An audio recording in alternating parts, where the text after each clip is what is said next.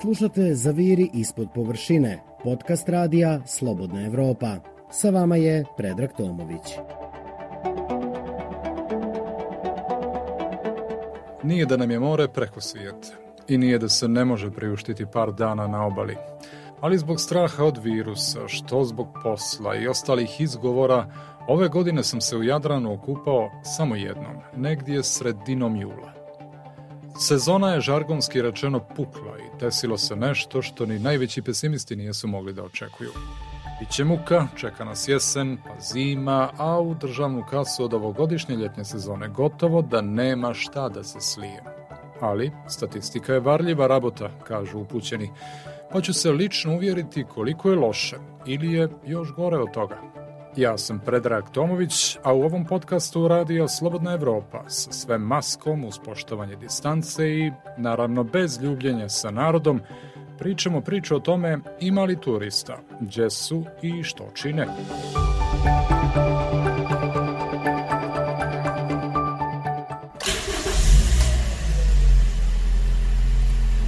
E pa dobro, 9 je sati, četvrtak, Podgorica, vrijeme je za put, idemo na more. Ako si u Crnoj Gori, najbolji način da se uvjeriš kakva je sezona je da se zaputiš ka Budvi, metropoli crnogorskog turizma, koja, kada je pik, zna da ugosti do stotinu hiljada turista, dakle višestruko više nego što je Budvana. Ali, evo me u Budvi, kod zidina starog grada, preko puta hotela Mogren, nevjerovatna slika, zaista gotovo da je ovaj plato potpuno prazan, Čini se da je Budva ovog septembra grad koji definitivno pripada Budvanima, budući da ostalih nema. Nema stranih turista ni približno koliko ih je bilo u isto vrijeme prošle godine. To se može vidjeti golim okom.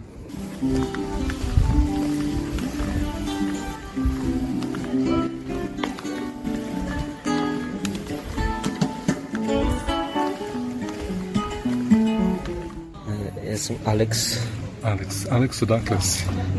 Ja sam iz Rusije. Pa otkud Budva? E, ja živim tu oko pet godina. Sviram prošlu godinu svilo u restorane, ali sad nema posla. Samo kao, kao ulični svirač. I kako ti izgleda to? Koliko su ljudi zapravo daražljivi? Koliko imaju senzibilitet za muziku koju ti ovaj sviraš i da li možeš da zaradiš nešto? E, imam još e, neki, ne znam kako. Drugi posao. Jeste, jeste. nešto na internetu, prodajem tabulature, ponekad imam neke časove. Hmm. A recimo šta sviraš? Jesu li to neki klasične, neka klasična dijela ili prosto onako malo neki duh mediterana? E, sviram svi stilove. Ja, ja volim samo melodičnu muziku. I, i klasiku, i jazz, i evergreen. znači, pet godina živiš u Budvi. Da li ti je ova sezona, ova godina, ovo ljeto neobičnije u odnosu na, na prethodna zbog koronavirusa? Da li je manje ljudi? Mnogo, mnogo manje. mnogo manje. Mm. Šta to znači u smislu tvog posla? Dakle, ostao si bez jednog posla u restoranu, vjerovatno iz razloga zbog toga što je manje gostiju, manje turista. Da li očekuješ da ćeš do kraja sezone ajde kažem, nešto zaraditi za sebe i za, za, da imaš neki skroman budžet za zimu, što bi rekli? A, sad sviram više za, za svoju dušu, tako. Dobro. Hvala ti puno, Aleks. Mogli bi da te snimim malo za nas, čisto da, da, da osviraš nešto. Ok, super. Šta će to biti? Hedžut Beatles.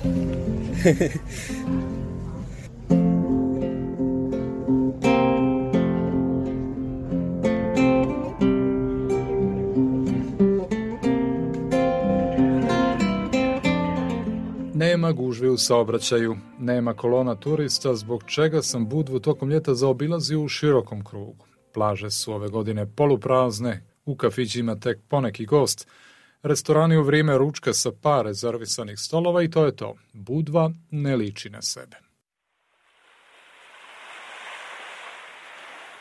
Gdje se kupaš, gdje školjke skupljaš, gdje gaziš ježa i malog puža. Pravac, plaža. A tamo turisti iz Srbije i Ukrajine, domaćih ni za lijeka. Pa recimo 50% manje ljudi. I da li to vama odgovara ili ne? Pa u principu i bolje, zato što je ovaj, more čistije, manje se čeka, manje redovi tako. A recite mi, pretpostavljam da imate poznanike, prijatelje, možda rođake ovdje. Šta kažu oni vama? Šta, šta su vam prvo rekli kada ste došli u smislu situacije, ambijenta i prosto sve? Pa generalno su nezadovoljni zbog manjka gostiju, manje prometa i tako dalje. Where did you come from? Ukraine. Ukraine. Yes. Zašto baš Crna Gora, s obzirom na to da imamo pandemiju? Because we don't Jer have nemamo mnogo izbora, ili Turska ili Ukrajina. Sviđa mi se, divna je priroda, divna usluga. Great nature, great service and so on. Ukraine. Ukraine. Yeah. So tell me, Zašto baš Crna Gora? Because, you know, like it's Jer je jedino mjesto u koje možemo otići bez problema. Ali kada sam došla ovdje, shvatila sam da je stvarno divno mjesto. Najiskrenije, putovala sam mnogo širom svijeta. Posjetila sam oko 30 zemalja, ali ovo je broj jedan. number one iz Beograda. Iz Beograda. Od kad ste već u Budvi? Koliko? A, od subota. Nedelju ujutro. I koliko ostajete? Do vikenda. Jeste li bili prošli godina u Budvi? Da, da. Kako vam se čini ove godine? A, pa rekla bih da je dosta manje ljudi.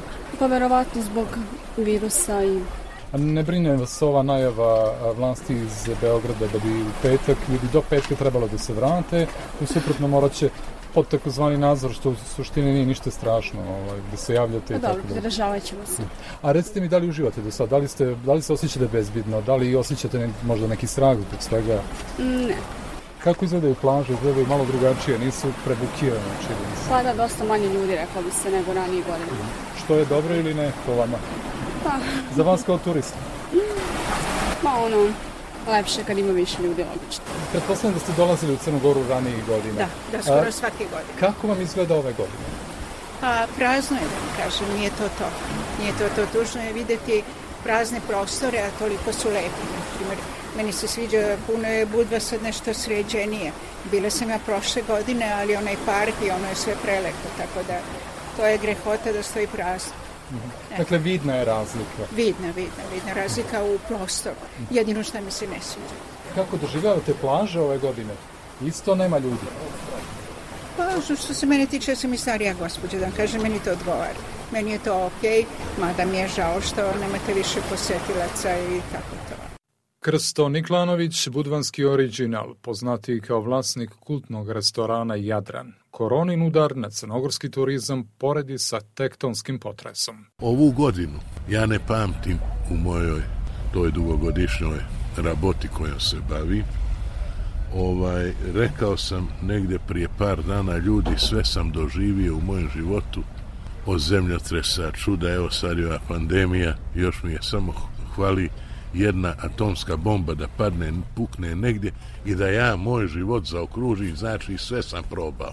Ova godina je gora od one 79. kada je bio zemljotres, znate.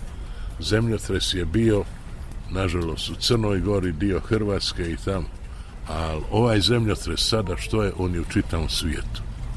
I kako ćemo izaći iz toga, to Bog mili zna. Valjda nadam se da će, naći, da će se naći neki po znacima navoda ludak koji će izmisliti ovaj tu vakcinu. A dogod ne bude te vakcine, mi moramo da živimo sa ovim, nažalost, ne samo mi ovdje, nego čitav svijet sa ovom pandemijom.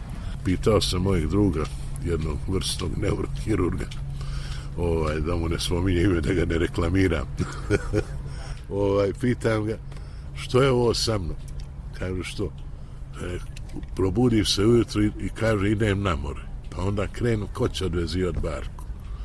Pa ima motora, motore imam. Idem motorom do boke tamo. Ko će se oblačiti sada, razumijete? Pa onda ovaj, idem reko kolima. Gdje ću kolima? Što ću kolima? Ja ga pitam što je to? Kaže krsto depresija. Razumijete? I to je ono, navikao sam uvijek da sam aktivan, da, da prođem po 7-8 km dnevno samo po mojem restoranu i to od gosta do gosta. Vi kao što vidite ovdje sjedimo za jednim velikim stolom. Nažalost, to mi je najveći problem što ne mogu da kontaktiram sa gostom. Kao prije, kažem mu dobrodošli, pozdravimo se na nekoj distanci, smjestim ih, zapravo ne ja, nego konobari moji, i ovaj, došlo je vrijeme da sam jednostavno vezan za stolicu.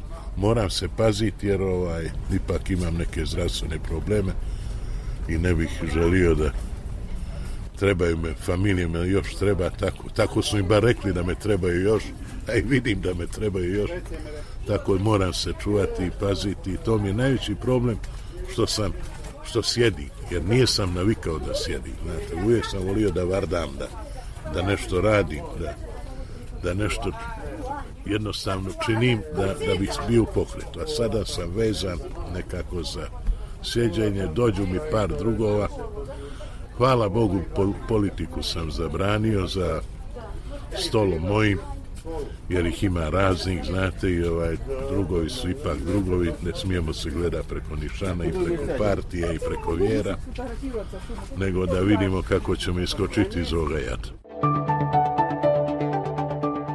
Slušate Zaviri ispod površine, podcast radija Slobodna Evropa. Sa vama je Predrag Tomović.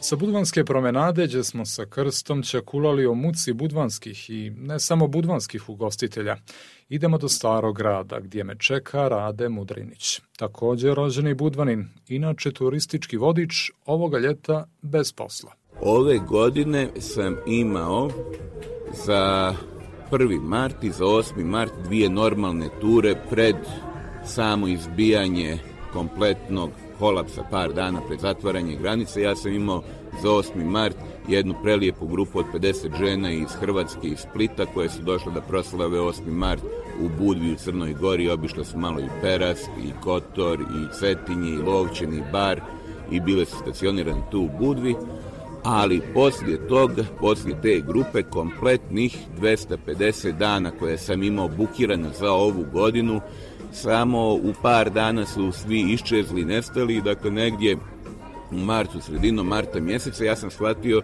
da sam ostao bez primanja i prihoda i normalnog funkcionisanja za ovu godinu. Kako se snalaziš? Na koji način pokušavaš da nadoknadiš taj nenadoknadivi minus? Pa, to je malo problematično zbog toga što nisam samo ja u problemu i nisu samo turistički vodiči u problemu. U problemu su i kuvari, i konobari, i restorateri, i hotelijeri, i prevoznici i naš grad koji živi 95% od turizma, 5% od trgovine je kompletno u problemu i ima veliko smanjenje prihoda. I u takvom jednom okruženju je dosta problematično naći posao, a posebno da ne naglašavam da smo nažalost pored nedaće koju nam je koronu, korona zadala i u gradu imali političare koji su napravili možda i jednaku štetu kolika i korona sa nekim jako ružnim scenama koje su išli iz moga grada, koje nisu bile na obraz ni mjestu, ni vremenu gdje su se odigrale, tako da je to bilo još neki dodatni šamar kompletnome gradu i građanima, posebno po pitanju te ekonomije, jer ja vidim da je jako puno ljudi sada mnogo sretno i ponosno kada uspiju da poplaćaju sve račune, osnovne račune koje imaju režijske, a da ne govorimo o gorivu, o energentima, o nekom luksuzu, to, to je više nestalo. Kažu da je Budva ovih dana, ovoga ljeta, zapravo grad koji konačno pripada Budvanima, odnosno domaćim gostima, domaćim turistima. Naravno, Budvani nijesu turisti u svom gradu, ali jesu Podgoričani u Budvi, jesu Nikšićani, jesu stanovnici drugih gradova Crne Gore. A koliko je njihov udio u tom nekom turističkom prometu nešto pa od čega bi udio... moglo biti koristi? Njihov udio je veoma, veoma jednostavno i lako prepoznati i tačno ga sagledati, čak i izmjeriti, zbog toga što u periodu jula mjeseca i avgusta mjeseca, početka prve polovine avgusta, mi nismo imali nijednog drugog gosta, osim gostiju iz Crne Gore, i onda su restorateri rekli da radi sa kapacitetom od nekih 10% u odnosu na prethodnu godinu. Već u drugoj polovini e, avgusta mjeseca imamo lagano neko otvaranje i prve, prve naznake nekog turizma, nekog dešavanja i prve letove koji su došli kod nas čarter letove, to je bilo iz Bjelorusije i iz Ukrajine koji su nam bili prvi organizovani gosti ove godine i imali smo Poljake, u početku čak i Čehe, koji su dolazili i Mađari, izvinjavam se, koji su dolazili organizovani. Govorimo o organizovanim grupnim putovanjima. A onda već e, sada polako otvaranjem u zadnjih 10 do 15 dana i prema Rusiji i prema Srbiji, možemo da kažemo da nam je zapravo prethodni vikend bio špic sezone gdje smo uspjeli da postignemo možda nekih 40% kapaciteta u odnosu na redovni dan u toku normalne pred korona period sezone. Također je isto interesantno da e, pored ovoga porasta naših novoinficiranih osoba i dalje veliki broj ljudi ne shvata ogromnu prijetnju koju to podrazumijeva i dalje se ponašamo jako ležerno, bez maski, bez, e, bez e, svijesti o veličini problema koji je oko nas. Rade, sad jedno pitanje, ti kao Budvanin, pretpostavljam da imaš omiljenu plažu, omiljeno mjesto gdje pođeš ti sa svojom porodicom. A da li to radiš ove godine češće nego obično? Imaš li uopšte vremena? I kada odeš na plažu, šta zatičeš? Jesu li to poluprazne plaže i ko su ti ljudi koji zapravo a, koje tamo srećeš? Pa, Bogu hvala što sam postao otac prije dvije godine i devet mjeseci, pa sam dodatno motivisan da idem na plažu i ove godine sam bio puno puta na plaži, mogu da kažem, ove godine sam bio na plaži koliko sam bio na plaži u zadnjih desetak godina ako ćemo iskreno. Hvala malom Stefanu. Hvala malom, zahvaljujući malom Stefanu za to. Ali zaticao sam ljude na plažama i pošto sam morao da nađem neki način kako da premostim svoju ekonomiju. Jedan od ventila kako bih se mogao snabdjeti jeste prilagođavanje na nastaloj situaciji. Počeo sam da sarađujem sa jednom dosta korektnom kompanijom iz Podgorice koji prodaju alkoholne sprejeve, maske za lice, koje prodaju tečne sapune i sve ono što nam je neophodno u borbi protiv korone. To je bio moj način da prilagodim promjeni i sa njima sam počeo da sarađujem. Sa sada je problem što na samom tržištu kod kupaca nema gotovog novca, njihovi su prihodi smanjeni, tako da oni vode računa o svakom centu i kupuju samo ono što je nužno. Ali moramo da se snađemo, i da se borimo na duge staze sa tim. Jedino na taj način ćemo početi polagano da shvatamo važnost e, javne higijene i kontakata i odnose među ljudima i da krenemo malo da kopiramo azijate i njihov mentalitet, da shvatimo da masku ja ne nosim da bih ja zaštitio sebe od drugoga, nego da ja masku nosim da bi drugog zaštitio od mene. I za kraj, ako možeš da se sjetiš sada neke šale, nekog vica, nekog lokalnog budvanskog originala, a u vezi sa ovom situacijom i koronom. Da li se ljudi šale, iako je situacija sve samo ne ovaj, e, bezazlena i, i neozbiljna? Pa, humor je naš najveći ventil e, za stres i najbolje oružje, oružje u nekim neprijatnim situacijama. Mada nisam čuo puno šala po pitanju korone, ali jesam čuo puno sarkazma. I izgleda da sarkazam koji nam hvali u nekom javnom prostoru na medijima, pošto u Crnoj Gori meni jako žao, mi nemamo uopšte scenu nekih sarkastičnih ili humorističkih e, emisija i programa i ostalih stvari, a toga Bogu hvala imam po našim ulicama, po našim trgovima, po našim lokalima, prodavnicama i kantunima, tako da... Sarkazma ne hvali. Sarkazma ne hvali. Slušate Zaviri ispod površine, podcast radija Slobodna Evropa. Sa vama je Predrag Tomović. Prolazeći pored polupraznih dućana, butika i pizzerija u starom gradu, srijećem Milenu, penzionerku, domaćicu, slikarku, koja između ostalog prodaje slike i ulja, ne za platno, nego za sunčanje. A što je najbolje za sunčanje? Ovo orakovo, to najviše zimljenje. Ovo. Aha. To je kao najbolje za sunčanje. Da, brzo, ono, tamni, fina je boja, kao od oraka, znate kako ruku pod Je li ove slike ste vi to radili ili neko? jedan tamo da, dio slika nekih manjih to ja radim, a nešto nabavljam. A, pa super. Kako je ove godine, je li ima? Loš. Loš? Loš, nikad. Baš ništa? Ništa, slabo, slabo, slabo. To je ako se izađe za dnevne potrebe, šta da ti pričam. Ja od prošle godine imam slika koje nije, nije snimala. A pored Mileninog improvizovanog štanda, njen kolega uslužuje par iz Rusije, koji kupuje lančić i traži da im ugravira imena.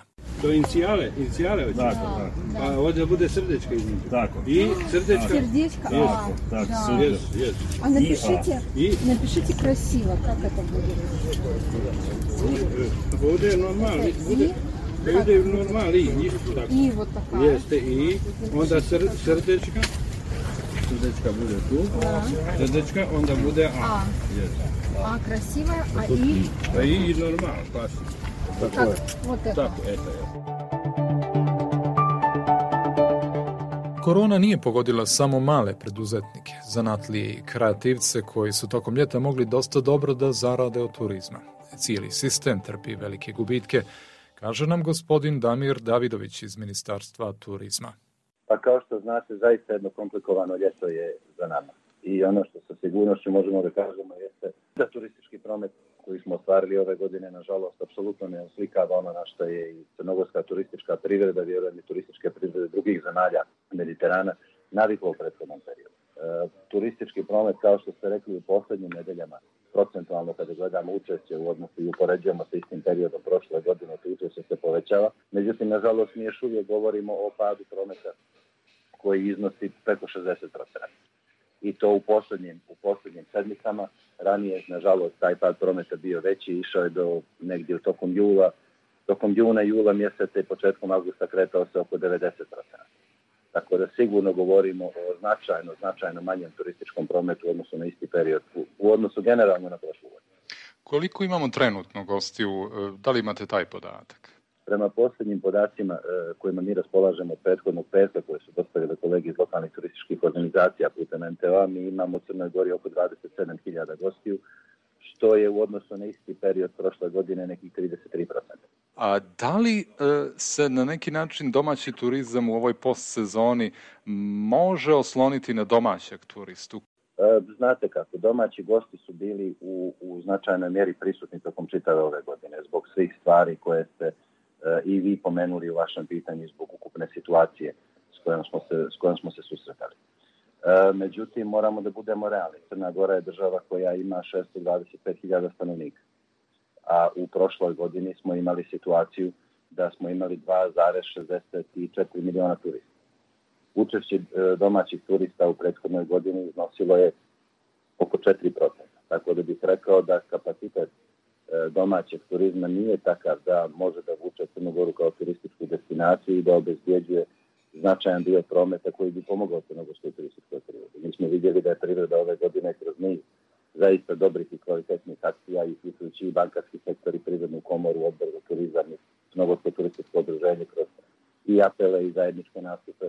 Išla da je privreda išla sa jednom dobrom cjenovnom politikom, da smo imali veliki broj domaćih turista koji su boravili u našim hotelima, ali jednostavno imajući vidu da Crna Gora ima 45.000 kreveta samo u hotelskim kapacitetima, da je prošle godine Crnu Goru u Crnogorske hotele posjetilo oko 125.000 e, domaćih gostiju, jednostavno jasno je da to ne može da bude e, ne može da bude onaj odnos koji može da obezbijedi održivost crnogorske turističke privrede. Tako da svakako da utjecaj domaćih gostiju značajno reći kada govorimo o sektoru ugostiteljstva i na primorju i na sjeveru tokom sezone, jer kao što znate značajan broj naših sugrađana ima i dode i nekretnine i borave u svojim nekretninama i tako dalje. Tako da kroz e, troškove u ugostiteljstvu, u trgovini i tako dalje svakako da doprinose značajno, ali kada govorimo konkretno o smještajnim kapacitetima, onda ja vjerujem da je to u, u svakoj sezoni kada se stanje normalizuje, opet će se kretati sigurno između 4 i 5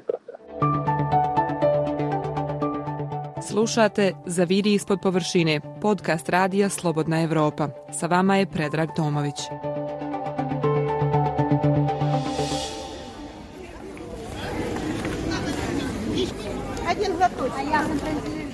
Iako bez posla ovoga ljeta, moj drug Rade ne može da odoli, a da mi ne bude vodič kroz budvanski stari grad. Vidiš ovaj kamen ovdje, a vidiš ovaj kamen. Nećeš razliku. Misliš na ovaj žuti? Na ovaj žuti, Koji ima kao neku žutu patinu? I ovaj ovdje sivi. E, ovo je ovdje novi kamen koji je stavljen po rekonstrukciji e, od zemljotresa.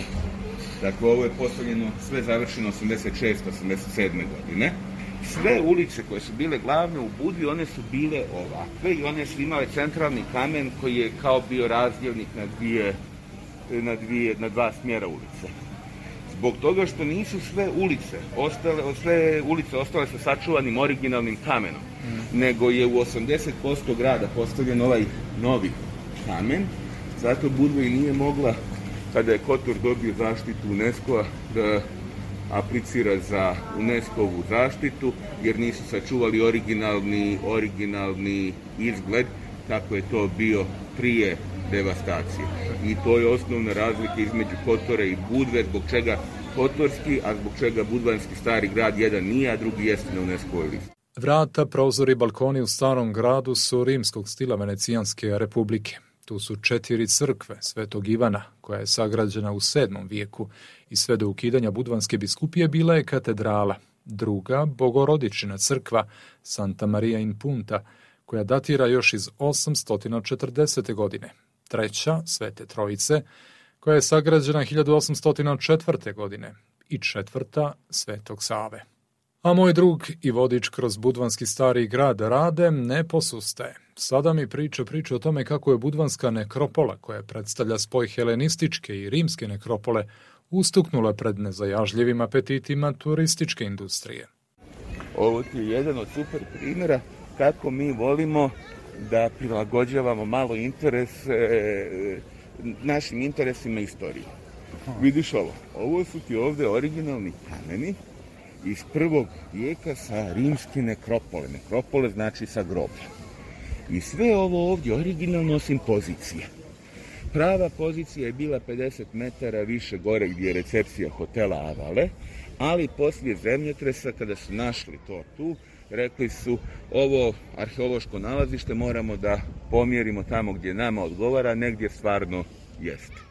Iako je korona u 2020. godini ukrala dobru turističku godinu za Budvane, nije otela vedar duh i sve one male stvari u kojima treba uživati, ali ne pretjerivati, pogotovo ne sa oleandrima.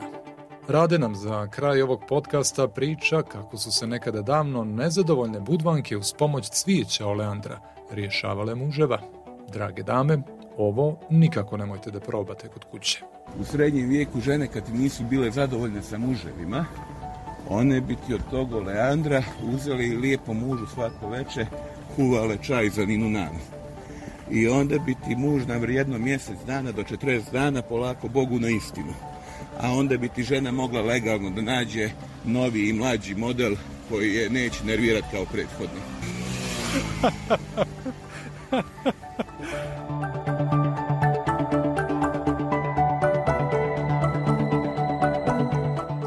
je bio podcast ZIP Zaviri ispod površine. Ja sam Predrag Tomović. Slušajte me ponovo na slobodnaevropa.org.